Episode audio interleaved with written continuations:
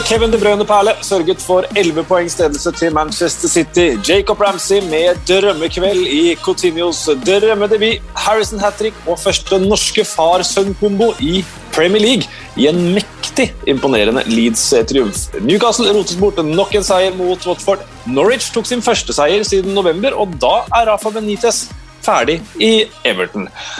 Straffebom, sedvanlig sjansesløseri, Gallagher og et sent selvmål i M23-derbyet. Ward Prowse har utvidet sitt frisparkrepertoar, og Adama Traoré mine damer og herrer, har skåret et mål. To nye kamper utsett. Den ene utsettelsen en anelse mer kontroversiell enn den andre. Det skal vi komme kjapt til, men først så skal jeg heldigvis ikke sitte her alene og jabbe. Så da ønsker vi velkommen inn i den digitale stuen. Peder Mørtvedt. Hei, hei. Tusen takk for uh, tilliten. Og gøy å være på podkast også på denne siden av nyttår. Deilig. Og Erik Thorstvedt, uh, er det sofaen du, du, befinner deg på?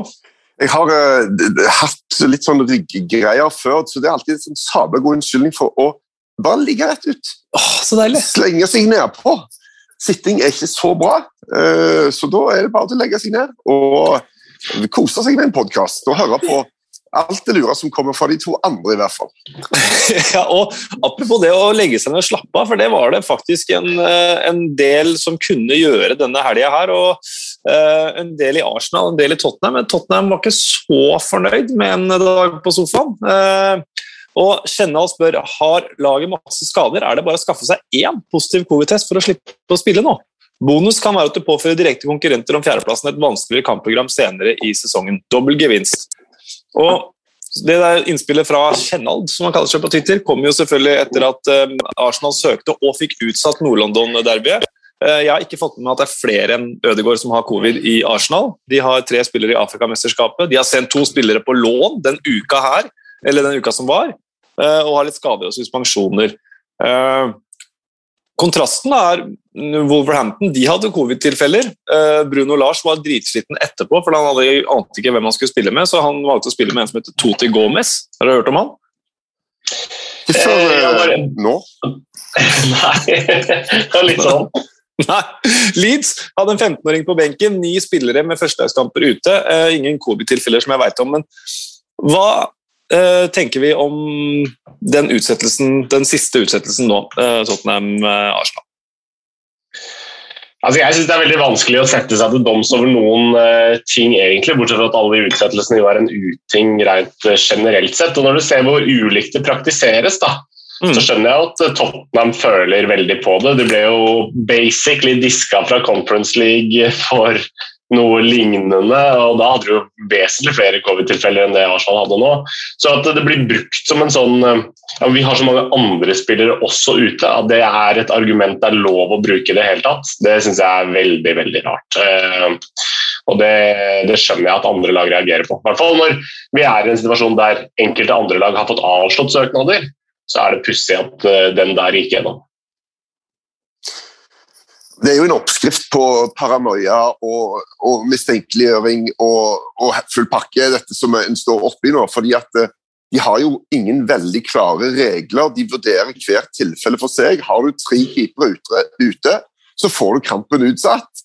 Men har du på en måte én eh, keeper og, og, 13 utespillere, så skal du spille kampen. Men det er klart at det blir jo veldig sånn synlig når du sender to spillere på utlån eh, rett før dette.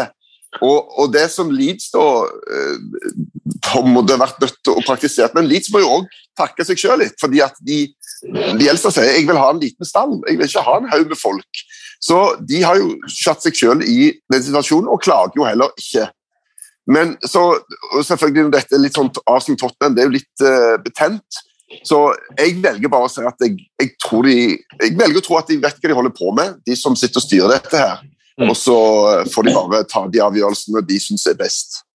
Mm. Jeg hørte jo Simen var inne på det når nyheten kom i PR-studio også, at, eh, og sikkert Solveig og Henrik også, jeg tror også de var innom det, at Arsenal fikk jo ikke utsatt den åpningskampen sin mot Brentford. Da hadde jo de masse smittetilfeller. Så kan det være en sånn derre Ok, dere fikk ikke den, men dere får den her. Eh, fra Premier League sin side. Det, det, blir bare spekulasjoner, selvfølgelig. men og så er det litt viktig å påpeke at uh, selv om Arsenal på en måte ble synderen, akkurat den greia her, så har det vært flere av disse tilfellene her. Så det går ikke på Arsenal som klubb, det går mer på hva er retningslinjen, som du sier, uh, Erik. Jeg vet at uh, i Fjordkraftligaen, uten sammenligning for øvrig, i norske hockeyligaen, der tror jeg du må ha seks covid-tilfeller. Da får du kampen utsatt, eh, selv om det er ikke akkurat en veldig gjennomsyra protokoll der heller. Så det er vel kanskje, kanskje hva heter det Mangel på at det er transparent. Da. At vi vet hva som skal til for å få utsatt en øh, kamp. Det er jo kanskje det som er større mm. problemet enn at akkurat denne kampen her ble utsatt. Men, men det er klart at da begynner jo Til helga er det jo øh, Chelsea-Tottenham. Og jeg satt bare og så bitte litt på tabellen, og så tenkte jeg at ja, men hvis Tottenham vinner den, så er det jo bare syv poeng bak Chelsea og har fire kamper til gode. så, og hvis de vinner de Ja, ja så Ja, men, men det, det, er ganske mye, da. To matcher, muligens tre, men fire er jo mye.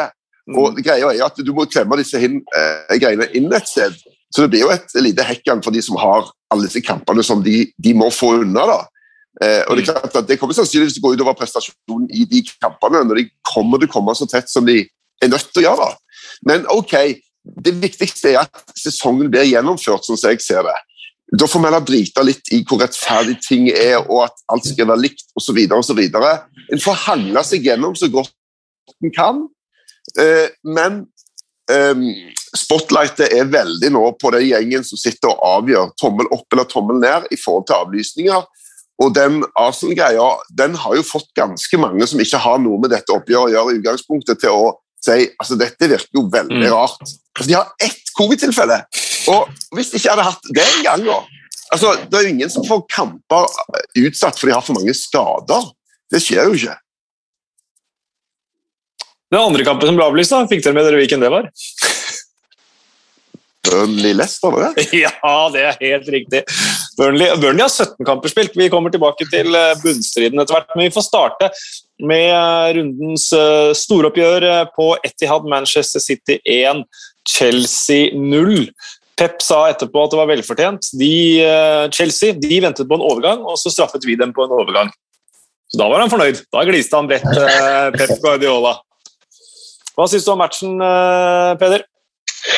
Eh, nei, jeg syns den ligna jo på mange måter litt på det motsatte oppgjøret, som jeg hadde glede av å kommentere sjøl. Eh, og jeg syns Manchester City eh, har vist i de matchene der hvor gode de egentlig kan være. Altså, med ett unntak nå, da, nå slapp de jo til den ene sjansen med Lukaku der, men bortsett fra det så har de veldig veldig god kontroll på et veldig bra Chelsea-lag egentlig hele veien. Eh, så imponerende gjennomført. Du måtte jo litt magi til allikevel for å avgjøre matchen. da. Eh, den skåringa til eh, De Brønno var jo helt eminent, men sånn utover det så, så er det De viser seg som et bedre fotballag og det beste fotballaget i England her nå. da. Mm. Ja, Nå har de tolv strake seier. Altså. Apropos det målet til Kevin De Brønne, det tror jeg var hans ikke tror, det vet jeg var hans 21. Premier League-mål fra utenfor 16, så da var det en liten stat der også. Men fra 11. desember, altså en drøy måned, så har Manchester City gått fra ett poengs ledelse på Chelsea og har nå 13. Og De har gått fra to poengs ledelse til Liverpool og har nå 11. Eh, ligaen synes avgjort, Erik. Ja, de har jo ofte disse periodene i løpet av en sesong der de bare setter sammen en haug med, med, kamper i en lang rekke med kun tre trepoengere. og det, det, det, er veldig veldig vanskelig å stå imot det. da, for at eh, De aller fleste lag spiller en kamp uavgjort i ny og kanskje til og med taper en slenger eller to i løpet av sesongen. Men når de, når de har disse rekkene her, altså du, det, det, er veldig vanskelig å stå imot. da. Og Jeg syns det var klasseforskjell på disse lagene, selv om det er veldig vanskelig å skåre på et lag som er såpass gode defensivt og ligger med så mange folk tilbake. Eh, men de fikk den ene, da, eh, og det mm. var fortjent. oss. Og Så sa Torhild etterpå at vi, har tapt, vi tapte en jevn kamp, og som du var inne på, Peder, vi har uh, vunnet en lignende kamp. Nå vant du vel ikke den du kommenterte, hvis jeg ikke husker feil? Nei, det var City 1-0 der òg. men de har vunnet en Champions League-finale det seneste året. Så, så de har, to på det, Men han, så sier han helt eksplisitt i dag manglet vi individuell kvalitet, og vi mangler kvalitet fremme. Og Det blir jo selvfølgelig tolka som et stikk mot Romelu Lukaku umiddelbart. Ja, det var jo han som fikk den ene sjansen, da, eh, som eh, Havet skåra på i Champions League-finalen, hvis du skal trekke det dit. Som, eh, som, da Lukaku ikke gjorde nå. og Det er jo på en måte det han er, er inne for. og Sånn som det forholdet har vært i det siste, så blåses jo absolutt alt opp. og Sånne kommentarer også tyder jo litt på at det er noe gruft der. Da. Er ikke, de er ikke bestevenner, selv om de sikkert har skværa opp eh, og Lukaku får spille igjen. Så interessant er det.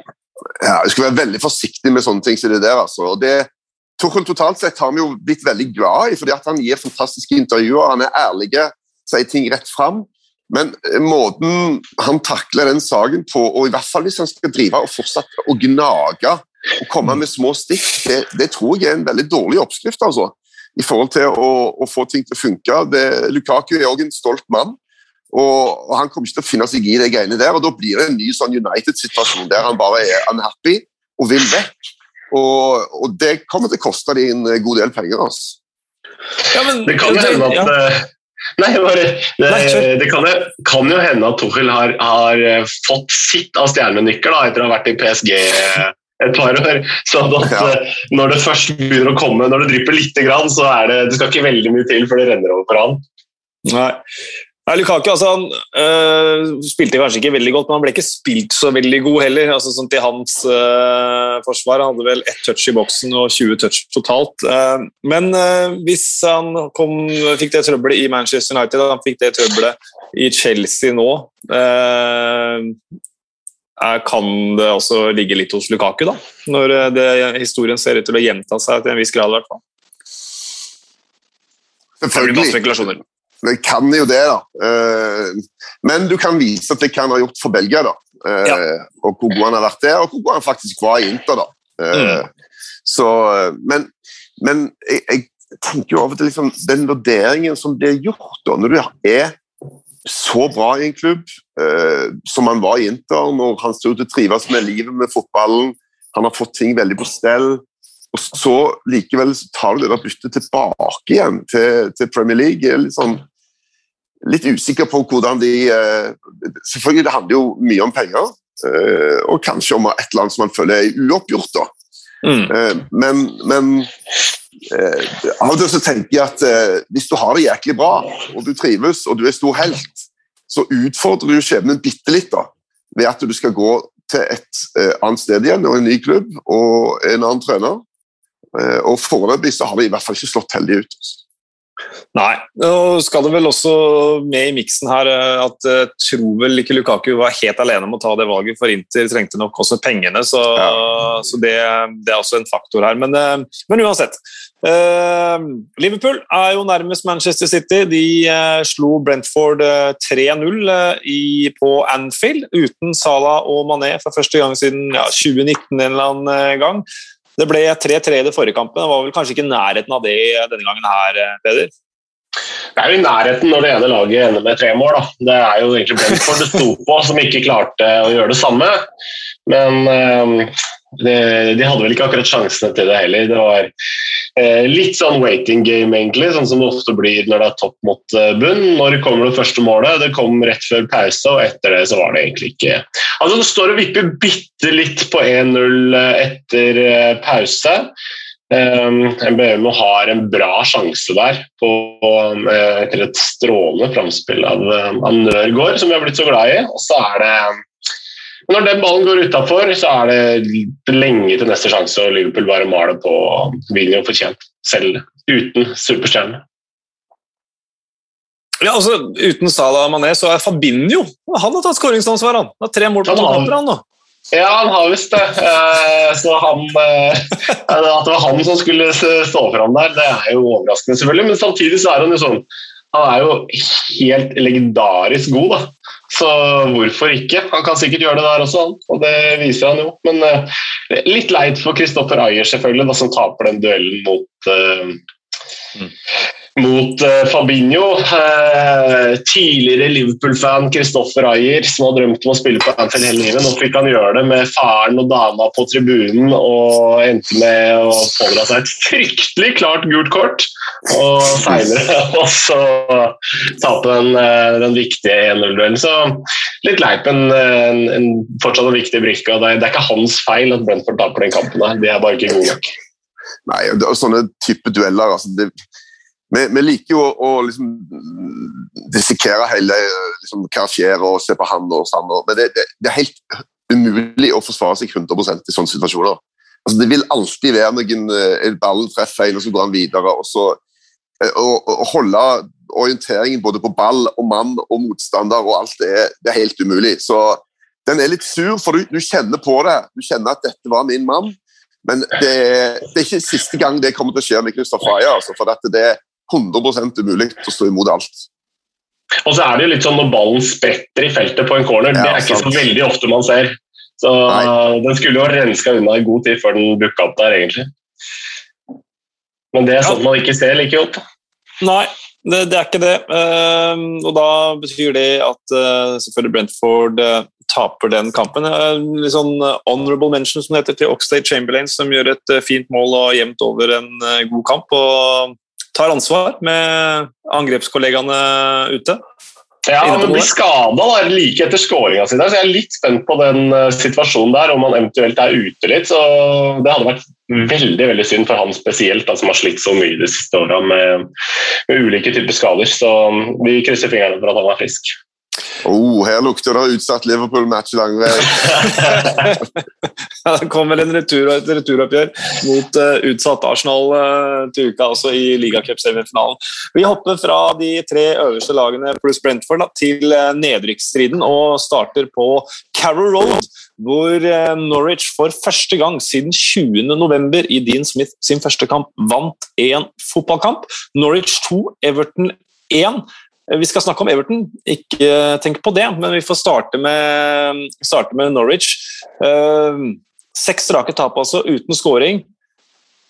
Vanvittig viktig seier.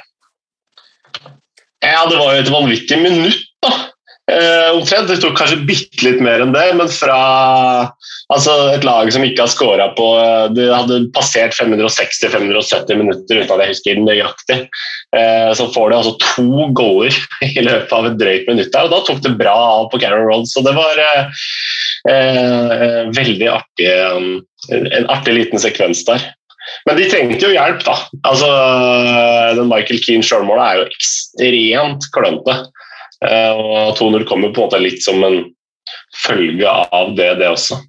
Selv om det er et veldig bra angrepsspill og en annen type mål, så, eh, så er det gjerne sånn mål følger mål i noen tilfeller.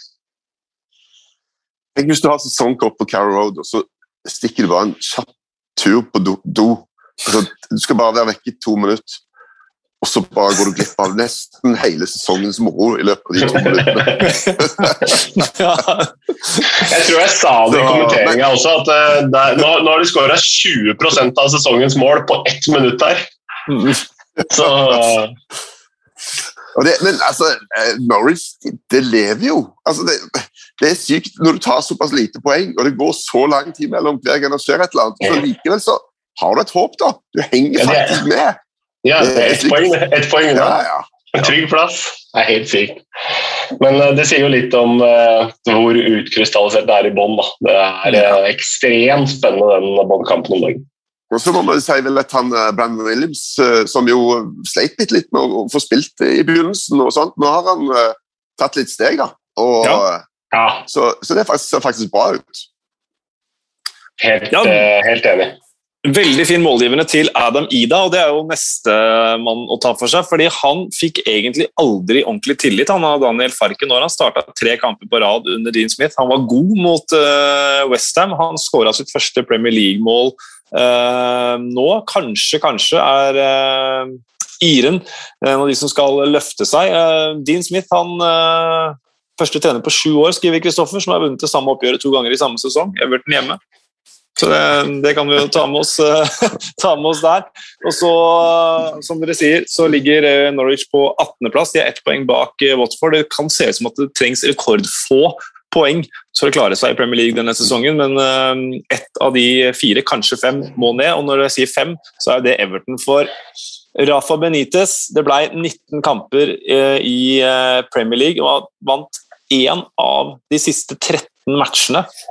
Altså hvor skal man begynne, eller hvor skal man uh, slutte? Uh, han var jo egentlig en dead man walking fra han ble ansatt, sett i mange supporters øyne. Uh, fikk en god start, og så har det bare gått på tverke etter. Men det der, er, altså, det der mener jeg er resultatavhengig. da. Jeg husker Det var masse sånn på sosiale medier. Uh, fuck uh, Liverpool-manager. og så, uh, så, så, så, kom han inn til første match, og så får han applaus fra Herlig Gudesen. Altså, alle backer han. De ligger under til pause, de vinner. altså Det er god stemning. De tar jo masse poeng i begynnelsen. Det er resultatavhengig. Hvis han hadde levert resultater, så hadde alt vært greit. Men, men når det går sånn som det går, da, så er det selvfølgelig veldig veldig kjapt å snu seg mot han. Og, og, det er bare altså Everton er en case, altså. Det er Alt går jo galt. Absolutt alt. Det er altså Fra den ene manageren til den andre Hvor mye sluttutbetalinger altså, har, de, har de gitt fra seg nå? Altså, og bare gå gjennom denne rekka med managere som kommer vaklende inn der og forsvinner ut igjen. Og, og, hva nå, da? What next? Altså, nei, det er bare et, eh, et katastrofeområde, rett og slett, hele Everton. Eh, beklager å måtte si det. De har betaler altså de syvende høyest, syvende høyest lønnsutbetaling i Premier League. Og, og, den fotballen som de får igjen, det er dårlig. altså. Men er ikke, det, er det som er mest eh, oppsiktsvekkende her, syns jeg er hvor ekstremt de har satsa på Benitez. Altså, det er jo masse folk i klubbapparatet som har måttet gå for at man på en måte skulle gå den, hans vei. da. Uh, inkludert sportsdirektør og medisinsk personell der. Og så forsvinner Luca Dini, som har vært en, en, uh, en fan favorite i, i mange år. Og så går det tre dager, og så er eh, Benitez ute. Da blir man jo litt sånn er, Hvem er det som sitter og planlegger her? Det er jo helt uh, gale, Mathias, hele opplegget. Ja, lyset er på, men det ser ikke ut til å være noen hjemme uh, i ledelsen. Og under, ja, du, du, tar den rekka, da, bare kjapt, Erik. Under Moshiri, etter at han vel tok kontroll i februar 2016. Roberto Martinez, Ronald Coman, Allardyce, Silva, Angelotti og Benitez. Det er de permanente som har vært der. Så Unsworth og Duncan Ferguson vært, eh, vært eh, inne midlertidig.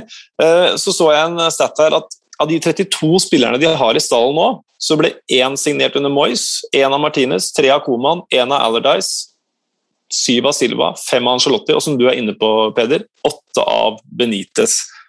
Og så seks da, fra akademiet. Det er de 32 spillerne de har under kontrakt uh, nå. Så det er jo et, det er som, det er jo et, det er et makkverk. Uh, ja. Men hvem tar over, da? Nei, det var det. Altså, altså, De betaler jo sannsynligvis bra, og det er nok av folk som er, står og hopper og har lyst på den jobben der. da.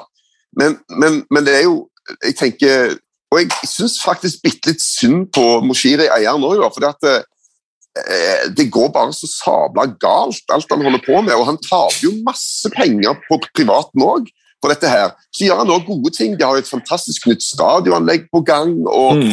og, og, han har jo backa klubben virkelig finansielt. da. Det er bare det at de styringsmekanismene som gjør at det er klubber som Brighton og Brentford, som sitter der og er bitte små klubber i forhold, eh, har en mye mye bedre styring på hva de holder på med. da. Og, og greier å skvise utrolig mye bedre fotball og mer ut av så utrolig mindre eh, ressurser. Eh, så, det går rett og slett på at eh, du må få noen eh, systemer og folk på plass som greier å holde tunga litt beint i munnen og ha en langsiktig plan, uavhengig av hvem som da kommer inn og er manager. For nå, som, som du sier, Peder, Benitez kommer inn, og han er en politisk eh, type som alltid sørger for at han får all makt. Og så får han all makt. Ma masse andre folk forsvinner ut, og så får han sparken likevel. Og da er det jo på en måte tilbake på scratch, da. Ja, det er det. Uh, Jo, altså bare et lite forsvar der. Angelotti den var jo uheldig. altså Måten de mista han på uh, for Everton selv, det hadde de ikke kontroll på. så det er lite Nei, men, sånn... men det var jo, han var jo ikke veldig populær der. Altså, Det gikk jo pil og pekte rett nedover. Uh, hans Guy Hames Rodriguez som stakk av gårde til Sør-Amerikamesterskapet eller noe sånt før sesongen var slutt. Altså, Angelotti var jo ikke en, en, en hylla figur i sommer. altså. Jeg prøver å finne noe positivt der. Prøver å finne noe positivt. Ja. Men jeg tipper at eh, sånn som den pila peker nå, så kommer eh, de, kommer de til å prøve å finne en, en eh, altså, en som har en tilknytning til Everton fra før. da. Hvem det blir, hvem veit. Vi snakka litt om Wayne Rooney i går, hadde jo vært spennende, selvfølgelig.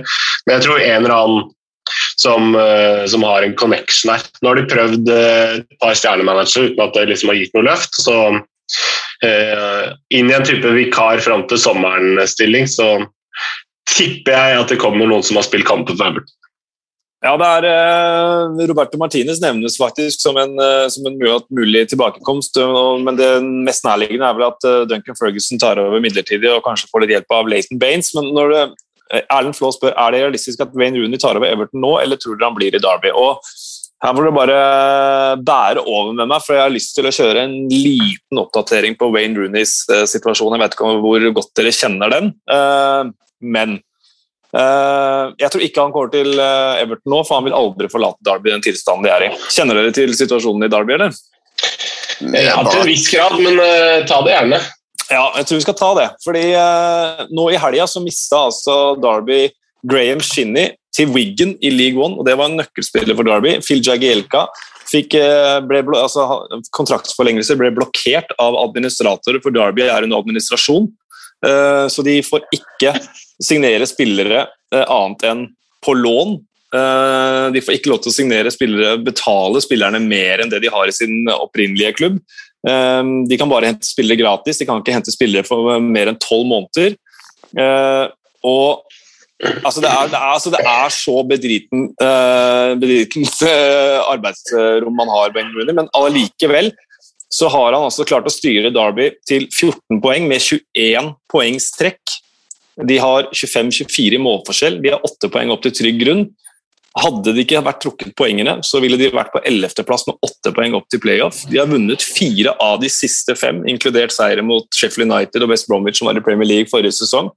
Altså, hvis, hvis, Wayne Rooney redder Derby denne sesongen, her, så må han bli kåra til den beste manageren i engelsk fotball denne sesongen. her. Det ville være en helt ellevill prestasjon.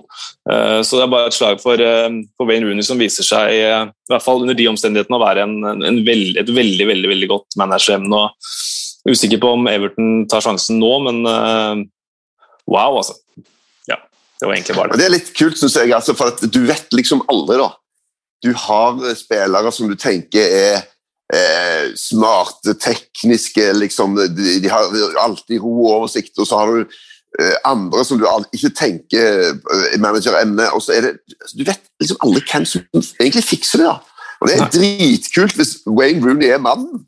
Altså Hvis han, eh, som du eh, har jo vært borti mye rør òg i eh, karrieren, og, og, men, men det han har gjort der, som du sier, er jo helt Det er jo en reality-serie, dette her. Det burde ja. jo vært altså, sånn Sunderland uh, på innsideopplegget. Mm. For det er jo bare så sykt, denne greiene. Og likevel greier å prestere.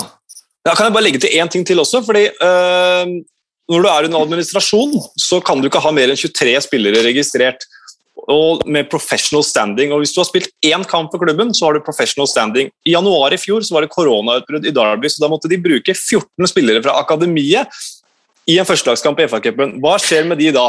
De får professional standing. Eh, så da tar de opp 14 av de 23 plassene. Eh, nå ble riktignok fire av de borte i løpet av sommeren, eh, og de fikk en liten lettelse fra IFL, sånn at de fikk lov til å signere fem seniorspillere i sommer. Men altså, det, altså, er helt absurd, de arbeidsforholdene han har allikevel presterer sånn. så vi bare følge den sagaen der videre. Vi må, apropos videre, til nordøst, hvor Newcastle tok imot Watford. Det endte 1-1. Alan St. Maximin med 1-0-skåringen. Pedro med utligningen i 87. minutt. Eddie Howe fullstendig knust over at vi ikke vinner. Første gang var veldig bra, men vi gikk i forsvarsmodus for tidlig. Så er det Ranieri. Vi har tapt seks kamper på rad. Det går utover selvtid. But come on! I believe in my players. Ja. Det målet på slutten der, det var Det er så kult av og til å se hvor små marginer sånne skåringer handler om. Altså At han får lagt inn det der innlegget. Altså, et, et hundredel for det kommer inn i en syk takling. At, og jeg, jeg, tror vel faktisk at, at, at uh, denne spredt, Er det Lascelles, eller hvem er det som er inne i midtforsvaret der? At han tar borti hodet hans først, før han går i Pedro og i mål. Altså, Det er så små marginer at Nei, men, men, men, han har vært bra, altså. Han er Pedro-duden. Mm. Syns jeg har vært god. altså. Og når han kom innpå uh, sist, så var han bra. Men Newcastle, altså, det er niende kampen de tar ledelsen og ikke klarer å vinne. Uh, det er selvfølgelig et sykdomstegn med alt det andre. Det kanskje litt mer alarmerende, tenker jeg. Chris Wood fikk sin debut. Uh, det var noe greit at han ble henta, eller, eller, var det greit? Det kan kanskje andre, kan, kanskje andre svare på. Men jeg syns å ane en lett pipekonsert etter eh, kampslutt der. Og det er en kontrast til hvordan Newcastle-fansen har eh, respondert i de seneste månedene. Begynner de å bli lei av Eddie Howe? Altså, det har i hvert fall ikke vært den oppsvingen som eh, Newcastle hadde håpa på. Da. Nå er jo januar halvveis allerede. Nå skulle liksom Dette er jo det første overgangsvinduet som skal løfte Newcastle fra båndkamp og opp i stratosfæren. og Da spørs det jo da om de kjøpene som er, som er gjort. altså Trippier definitivt er en veldig veldig god høyreback. At de har lokka han dit, er jo bra. Chris Wood spilte jo for et annet båndlag. Jeg syns Chris Wood er en veldig god fotballspiller, her, men han inviterer jo ikke til sambafotball akkurat. da. Så øh, jeg kan jo skjønne at øh, man sitter på tribunen her og tenker litt sånn Er det ikke er det ikke andre navn? Er det ikke andre spillere? Hvor, hvor, hva er det vi aspirerer til å være nå, da? Man ser på City, man ser på Liverpool og Eddie Howe har jo et rykte for å være en, en, trener som får laget til å spille fin fotball også. Og De har jo artister i den stallen der, så jeg skjønner at det kan være litt frustrerende å sitte og vente. da. For det er jo det de egentlig gjør. De venter jo på at uh, Newcastle skal bli et av, uh, et av Englands største lag igjen. Men det er tidlig ennå. Ja, det er jo enormt slu, den der eh, overgangen. da, Der du altså, løser ut en utkjøpsklausul som da tar fra den direkte konkurrenten, muligens den beste spilleren de har.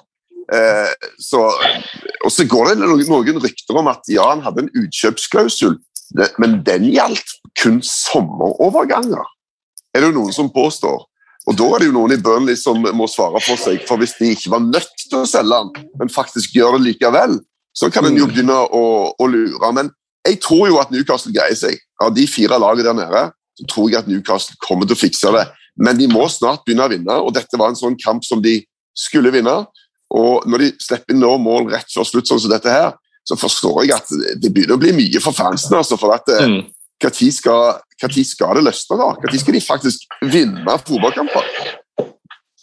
Ja, én seier på ni matcher hvis vi tar med tapet mot Cambridge i FA-cupen for eh, Eddie Howe. Bare nevner at Rafa benyttes arbeidsledig. Bare nevner det. Uh, mm. Mm. Tre Watford-debutanter, må ta med det. Hassan Kamara, forsvarsspiller fra NIS. Samir, forsvarsspiller fra Odinese. Og Edo Kayembe, en midtbanespiller hentet fra Aupen i Belgia.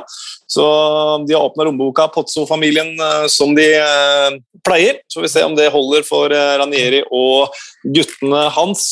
Fotballmeninger han som kaller seg det på Twitter, spør hva han tenker om nedrykksstriden nå. Vi har allerede vært inne på at Newcastle sin signering av Wood er jo slu, eh, for de svekker jo en direkte konkurrent. og Kanskje det, kanskje det handler mer om å svekke Burnley enn å styrke seg sjøl, og så henter de en tre-fire spisser til. Vi får, eh, vi får se.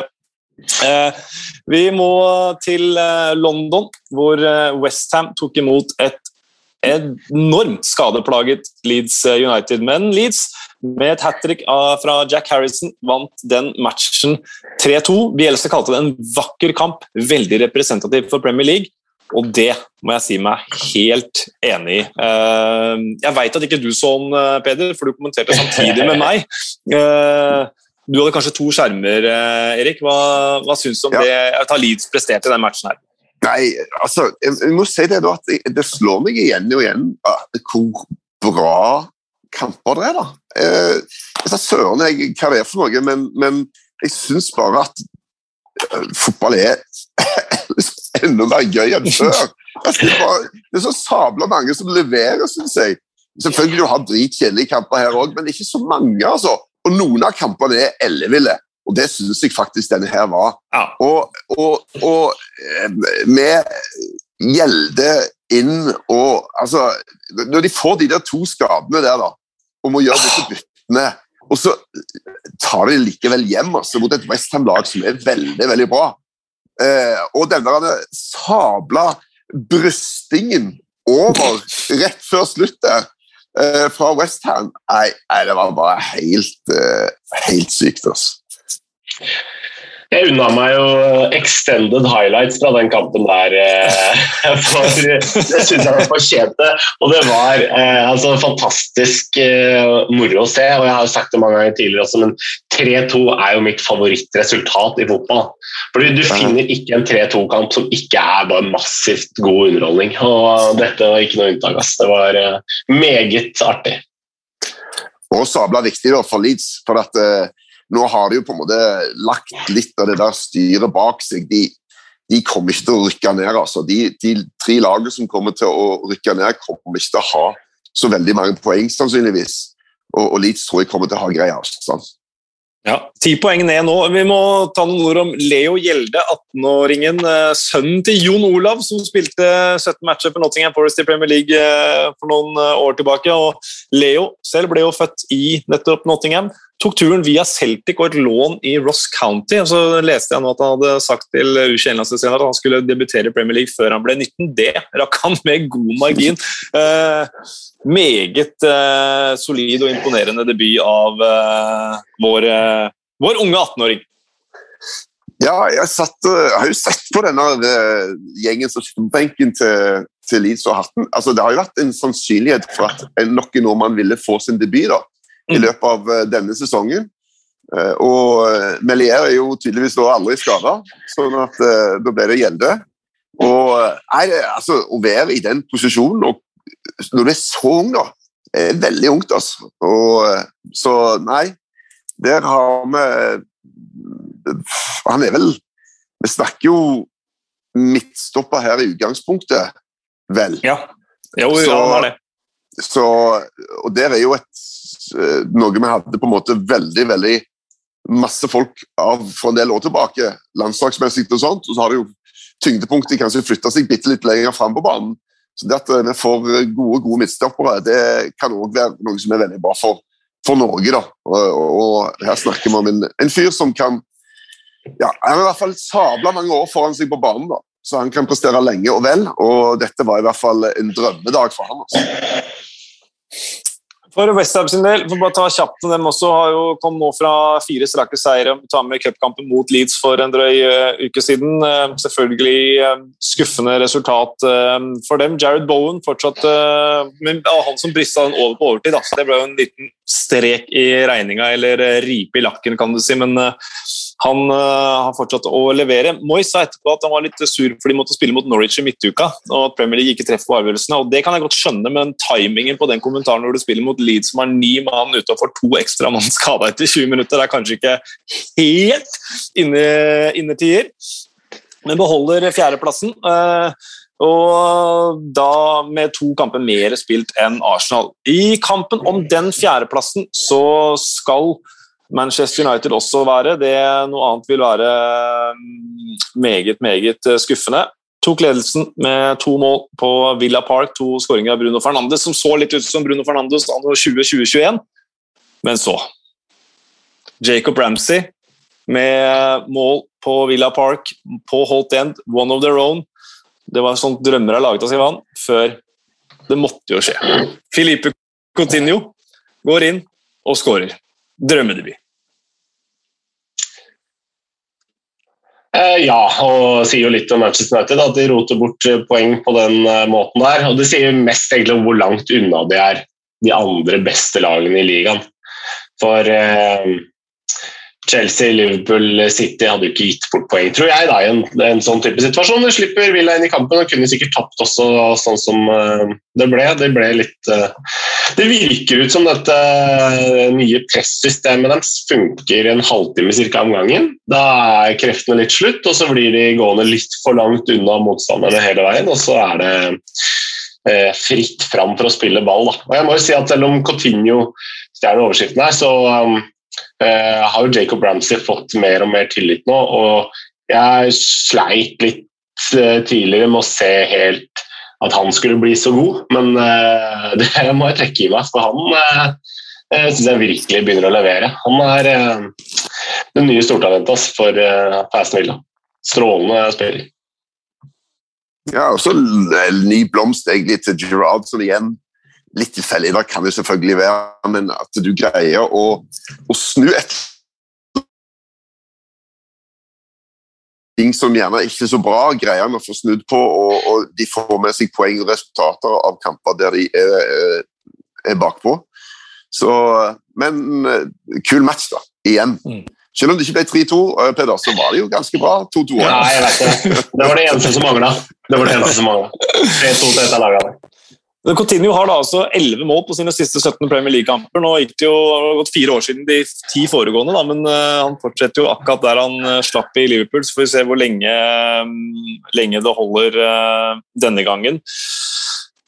Men altså, du var inne på det, Peder. Den første halvtimen da den var bra. Ralf Ragnhild mente det var det beste de hadde levert siden han kom, og det hørte jeg våre kollegaer i studio også var inne på. Men et spørsmål, Hva tror dere, hvis vi skal gjette, at Jaden Sancho tenker når han sitter der med en prislapp på 73 millioner pund og ser at Anthony Elanga får spille før ham? Han burde jo reflektere litt over egen prestasjon og hva han egentlig har holdt på med de månedene siden han kom tilbake til England. Eh, det er jo det, det første der. For eh, det er jo ikke akkurat noe tvil om at han ikke har vært verdt penga ennå. Det er ingen som betviler at han er en god fotballspiller, men det han har levert, har jo vært tynt. Og det er jo grunnen til at han eh, blir valgt bort. Så brutalt må det jo tross alt være i toppidretten. Jeg synes jo Den unge svensken er en meget spennende spiller, han også. da. Ekstrem mm. fart, og det er jo veldig verdifullt på det nivået. For, for, nye trenere så er det jo ofte De gjør jo av og til sånn at de tar fram noen som ingen andre helt har tenkt på, og, og viser at her er det ikke prislapp eller eh, lønn eller status som betyr noe. Her er det hva du skal prestere på banen, og det er jo et tydelig signal, i hvert fall. Og så var det jo et eller annet kanskje med at eh, Uh, vil noen eh, lese inn at når Ronaldo er vekke, så blomstrer Bruno, men eh. Ja, det kan hende at det blir et tema, ja. ja.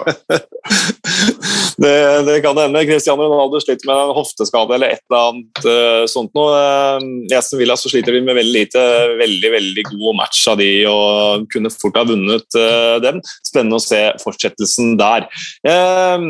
Fortsatt i Midlands. Wolverhampton Southampton 3-1. Vi kan starte med gjestenes eh, scoring, for det var James Ward Prowse sin eh, tolvte direkte frisparkmål. og Han har jo da, jeg synes han, han har utvida repertoaret sitt, for den der har jeg ikke sett før. Nei, den var helt ekstrem. og Det er jo kanskje den beste av de tolv, uten at jeg husker alle i detalj. For uh, den der var jo sånn som det legendariske frisparket til Cristiano Ronaldo mot Portsmouth back in the days. Så det ligner litt på den. da. Der ballen tar én retning og så bare fyker opp i krysset. Keeper sjanseløs. Nei, det var eh, helt eh, eminent, men eh, som du sier, en, en, litt annen teknikk. da. Så at han kan gjøre det også, sier bare litt om den høyrefoten til Ward Prowse. Det er bare å ramme inn. Ja, Det er bare Beckham som har flere frisparkmål. Jeg så en liste her med skal vi se, 1, 2, 3, 4, 5 andre som har 12 og 11 mål. Klarer dere å on the top of your heads komme på hvem andre som kan ha skåra så mange direkte frisparkmål i Premier League? Altså, Jeg har jo sett lista. altså Sola og Henri er vel der på, på 12, de også. Du har sett lista! Da må du, da må du være stille, Peder. Hvis du har sett nei, lista, jeg husker det! Jeg nei, husker det. Nei, nei, nei, nei, nei. Nå kan jeg det. Jeg har lært det. Jeg lært det. Jeg har ikke lest det. Jeg har lista her. Peder! Erik! ja. Nei, jeg tenker kanskje Sola og Vi muligens. Men det er en svenske der, Erik. Oi, Jungberg? Nei, nei, nei. nei, nei. Han, uh, han trakterte den nordøstlige delen av England i mange sesonger. Han var i Birmingham. Sebastian Larsson. Sebastian Larsson. Sebastian Larsson med 11. Ok. Uh, Morten Gams Pedersen med 10, er det ikke det? ja, det Han er langt der. Han er langt der oppe.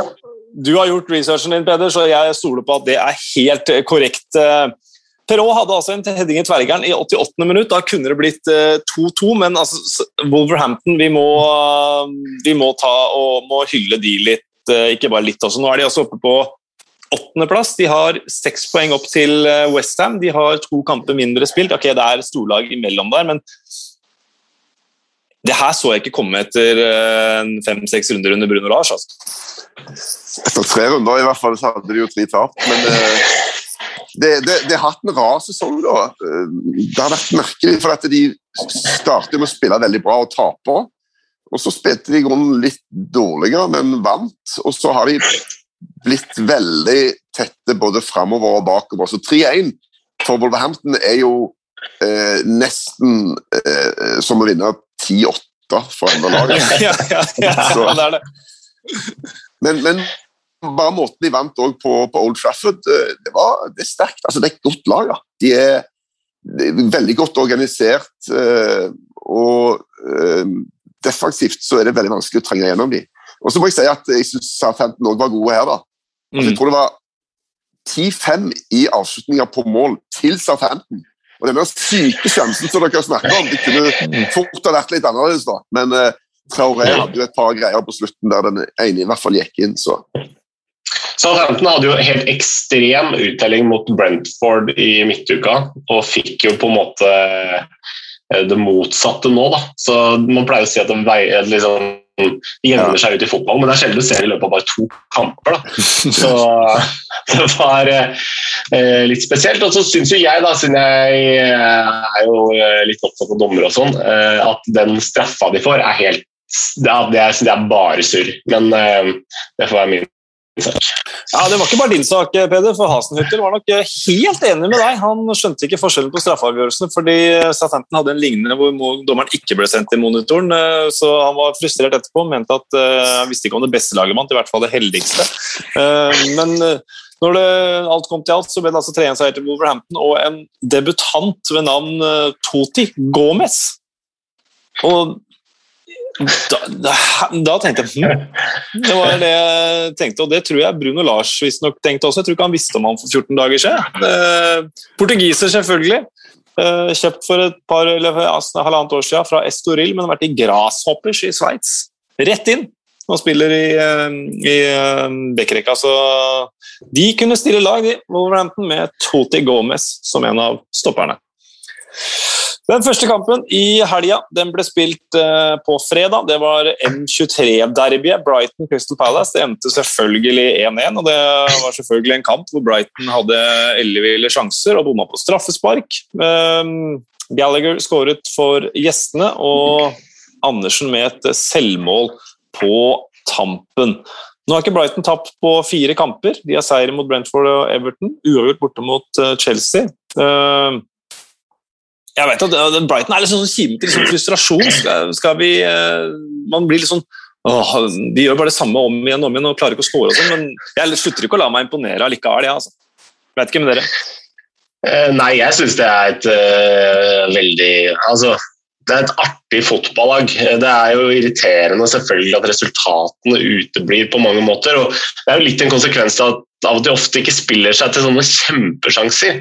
Det blir litt sånne 70-prosentere, eh, og mange av de da, som de ikke klarer å utnytte. og eh, Statistikken er vel 10 av de siste 14 matchene er uavgjort. eh, og det er jo litt sånn Brighton har blitt blitt. Men jeg uansett, vi har jo sikkert sagt det mange ganger, men det er veldig kult hvordan Graham Potter har klart å lage et, eh, et velspillende, fint fotballag av eh, det som var en litt sånn kjøttspillergjeng for eh, noen år siden. Så all ære til dem. Og de har mange kule spillere også. Jeg liker jo han polakken Jakob Moder f.eks., som vel fortsatt ikke har skåra i Premier League, men som kommer nærmere og nærmere. Da. Så de henter litt sånn spillere som man som, ikke, ja, som kanskje går litt under radaren til andre toppklubber, men uh, som kommer inn i Premier League og gjør det bra. 2,37 mot 0,47 i XG. Det er 1-1 in Bright-match, det. Ja, Det er, det er et, det er et naturlig resultat. ja. Ja, men nå har, de hatt, nå har de hatt noen sånne seire der de har tapt XG og sånn. Uh, og da er det jo hver eneste gang er Twitter-kontoen til Brighton ute og, og melder sånn You love to see it. Hver eneste gang de taper XG og vinner kamper.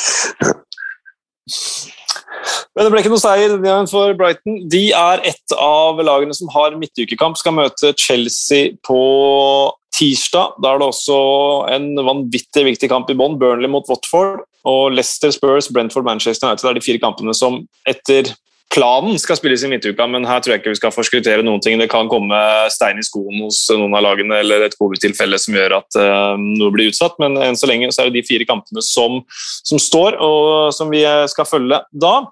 Uh, vi tar noen uh, spalter på tampen. Det er 1-0!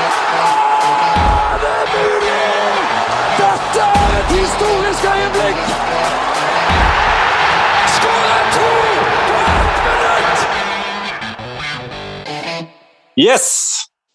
De eh, fire berømte, eller uh, infamous spaltene. Vi kan begynne med eh, øyeblikket denne runden her. Uh, noen eh, tanker om hva som var rundens øyeblikk fra de eminente herrer? Jeg vil ta noe som ikke har blitt, ikke blitt nevnt engang. Altså, jeg tror ikke vi nevnte Richarlison sitt brassespark, gjorde vi det? Nei, det gjorde vi ikke. Altså, det syns jeg Ja, den syns jeg er grei. Det betyr jo ingenting for det til slutt, men eh, det, men jeg kan rett og slett ikke bare forbigå brassespark i taushet. Ok, ja. Jeg er enig i det, men det er, ikke, det er, det er som det, det betyr ingenting. Så, Det er noe med det jeg tenk, tenkte på en sånn brassespark var det Benteke som hadde det for Liverpool mot Manchester United en gang. Så skåra et helt vilt mål, men så tapte de allikevel. Og da er det sånn Ja. ja, Det blir bare glemt den store sammenhengen. Og litt sånn var det der. Men jeg tenkte jeg skulle nominere et annet øyeblikk som vi ikke fikk se da, fra den samme kampen. Med han- han banestormeren fra bortesvingen som kom ut på banen for å løpe og konfrontere Benitez. Det var målet, og det er ikke så ofte du ser så eh, altså banestorming med den hensikten.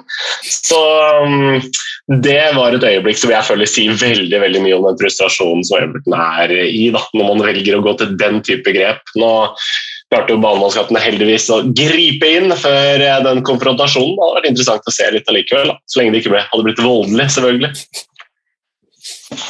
Ok, så vi har Men Vi har, vi, ja. vi har, vi har gøy å se altså, hva var ambisjonen hans her. Og, Ja, nemlig. Det er litt det jeg tenker. Skulle, han- skulle han inn i en litt lengre taktisk diskusjon med Benitez? Skulle han bare skjelle han ut? Altså, hva var Ah, ja. Anyway. Det kan vel være han skulle snakke noe om noe nasjonalitet og yrke. Det kan godt være han uh, var inne på skulle inn på det. Men det er interessant. da, Vi har hatt Manchester City, Chelsea, vi har hatt 3-2 til uh, Leeds uh, uten spillere omtrent mot Westham. Vi har hatt en 2-2-match hvor Coutinho skårer i debuten, og så er det Everton som trekkes opp som øyeblikket fra begge to. Nei, det, det kan jeg ikke være med på, rett og slett. Jeg kan ikke være med på det. det men det får, vi får stå med tre øyeblikk. For, for meg så var det vel øh, Harrisons øh, 3-2-skåring øh, på London Stadium.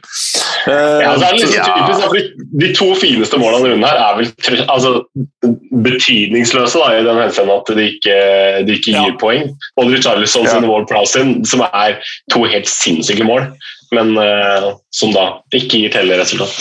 ja, men jeg velger å, jeg velger å ignorere altså, det er målet som kanskje har avgjort PL, men det kan jo si det med mye da, fremover. Mm. De Det var ikke så gærent heller, nei. Nei. Nei, det er fint, det også. Ja, det skal, men det skal nevnes da, det skal vel kåres årets mål i, eller i 2021, og et av de var også sånn betydningsløst. Han er Teremi for Porto mot var det Ja. Chelsea eller noe, så det er en fin, fin trend der. Vi har jo en sending der i kveld også. Um, hva med blomsten, da? Hvem fortjener en liten kvast? Her skal jeg være stille, her skal dere få bestemme. Ja, Peder, fyr løs. Nei, eh, da skal vi jeg- gi den Ja, Skal vi gi den til Leo Gjelde, da? Første eh, ny nordmann i Premier League. Eh, kan ta med det hjem til mor, da, som har både fått eh, mann og, og, og barn i, i Premier League, et eller annet sånt. Er det, er, er det noe, har vi ikke ukjent helt lenger? Er den, Jo, den, Kommer det nå? Jeg tenkte jeg skulle, men han kunne få den der, da. Den ukjente helten. For han er jo Spør en gjennomsnittlig eh, norsk fotballfyr om Gjelde på 18 år. Han har sannsynligvis ikke snøring på hvem han er eh, før nå, da. Så, men jeg vil gi en blomst til eh, keeperen til Wolverhampton, Sa. For Mm. det målet til Ward Prowse er ikke i nærheten av å være så fint hvis ikke han gjør det han gjør. Hvis han blir bare stående og ser på han, så er det ikke så kult. Men nei da, han prøver alt han kan fra 30 meter. Og han er ikke i nærheten av å redde. Han er ikke i nærheten, Men han ligger strak som en pil. Og det ser bare så mye kulere ut. Så han får min boost. Ja, José Sa er jo denne sesongens Robert Sanchez på mange måter. Eh, Ja. Vanvittig eh, slu overgang av Wolverhampton, som solgte en portugisisk landslagsspiller og antageligvis hentet det som mannen som kommer til å ta over den jobben. Eh, så det, den er fin, den. Eh, hva med kaktusen? Eh, kan vi gi den til eh, avgjørelsen om å utsette Nord-London-derbyet? Ja, det er greit for meg. Eh, altså, jeg hadde satt av ettermiddagen etter å se den, eh, den matchen der, så ble det søndagsfri. Og jeg fant jo på noe annet å gjøre, men det var gøy med NLD. Men jeg føler ikke jeg vet ikke, jeg, jeg kan ikke nok, jeg vet ikke hva som ligger bak. Det kan godt være at dette her er på en måte eh, innafor at de, det er en form for rettferdighet her. Så Mm. I don't know. Men eh, det var jo en match. og Det er det som er det dumme, da. at Vi, vi, vi gleder oss jo til disse greiene. Og, så, og Derfor er det jo stas at det har blitt en del avlysninger, men det er òg en del som har gått og rulla, og det er, som har holdt oss i gang litt. Og, og skapt livskvalitet, rett og slett. Det er jo det det handler om. Det, det er stas å se på. Ukjente helten, der har du nominert Leo Gjelde, Erik. Eh, Kan jo sikkert nominere lagkameraten hans, Louis Bate, også. Eh, Men jeg syns allikevel den aller mest ukjente, i hvert fall for meg, det var Toti Gomez. Han vi har vært inne på. Altså, det kom Mer ukjent. ingen- Nei, mer Mer ukjent. ukjent er vanskelig å bli. Jeg tenkte Jeg drev og så på Glemt helt egentlig denne uka her isteden, og, og Ja. Jack Buckland, som plutselig står i Ja. mål i Premier League igjen. Eh, snart ti år siden han var eh, engelsk landslagsspiller, og burde jo være eh, på høyden nå. 28 år er eh, Og så har han på en måte bare ja, mer eller mindre forsvunnet. Han sto jo Stoke i lang tid og vært eh, reserve de siste åra, men nå sto han plutselig igjen og var jo ekstremt nær til å klare å holde nullen i Premier League her også. Hadde ikke vært for litt dansk kløneri på slutten her. Jeg var stor fan av Button. Jeg mente jo han var dritbra, burde stå for England. Og så fikk han en veldig rar skade i en landskamp. Eh, ankelbrudd ut av ledd, et eller annet. Og så har han egentlig aldri på en måte kommet seg helt tilbake. Var jo i Stoke i mange år, men det er gøy å se han, og han kan fortsatt være Premier League-keeper i ti år, han altså. Mm. Så, Så han ja, redda jo straffen og var eh, veldig viktig for, eh, for Palace mot Brighton. Den er god. Eh, vi skal ha noen spådommer eh, på slutten her. Marius Jensen han spør kan man ta en liten oppsummering av spådommer eller fem kjappe. Noen som trodde at Everton skulle hevde seg denne sesongen. Jeg husker ikke. Det kan godt ha vært meg. De kan strykes. Flere artige. Ja, og litt artig at det er dere to som er på besøk, for uh, denne uka her så røyk eh, spådommene til to av spådommene deres, gutter. Eh, Erik, Jeg syns ikke min var så dårlig, da. Nei, det er ikke så dårlig, men den røyk. Eh, Erik, du sa at din går på lån til Newcastle. Du sa riktignok ikke denne sesongen, så du kan jo gjemme deg bak det i en rettsprosess. Så det kan jo fortsatt være at Luca Dini på et eller annet tidspunkt i karrieren går på lån til eh, Newcastle, men Nei eh, jeg, jeg, jeg tar den. Den, den var feil, men ja, feil klubb. feil Og klubb. det ble vel et kjøp òg. Peder, du har allerede begynt forsvarstalen din. Hva var din spådom? Spå- Spådommen var at Benitez var ute før nyttår. Men eh, jeg visste altså ikke hvor sendrektige de var i det styret til Everton. Jeg trodde at han kom til å ryke før.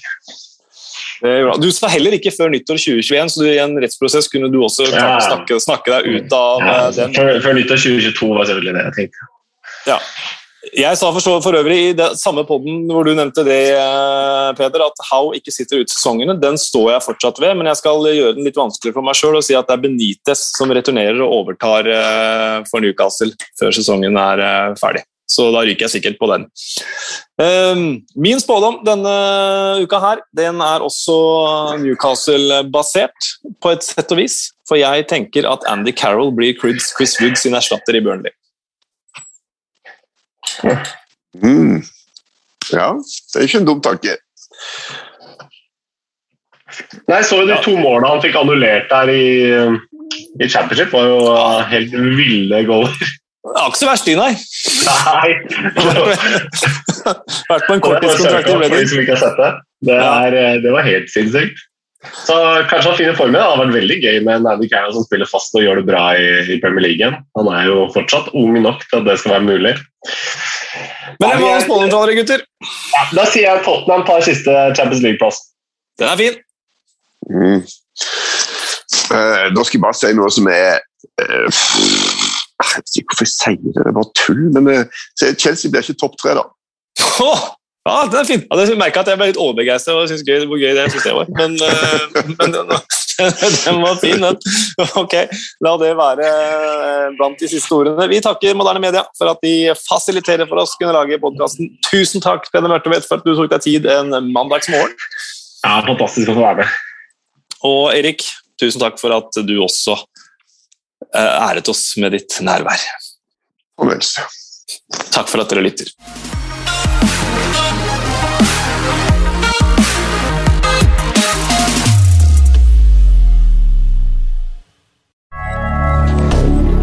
Moderne media.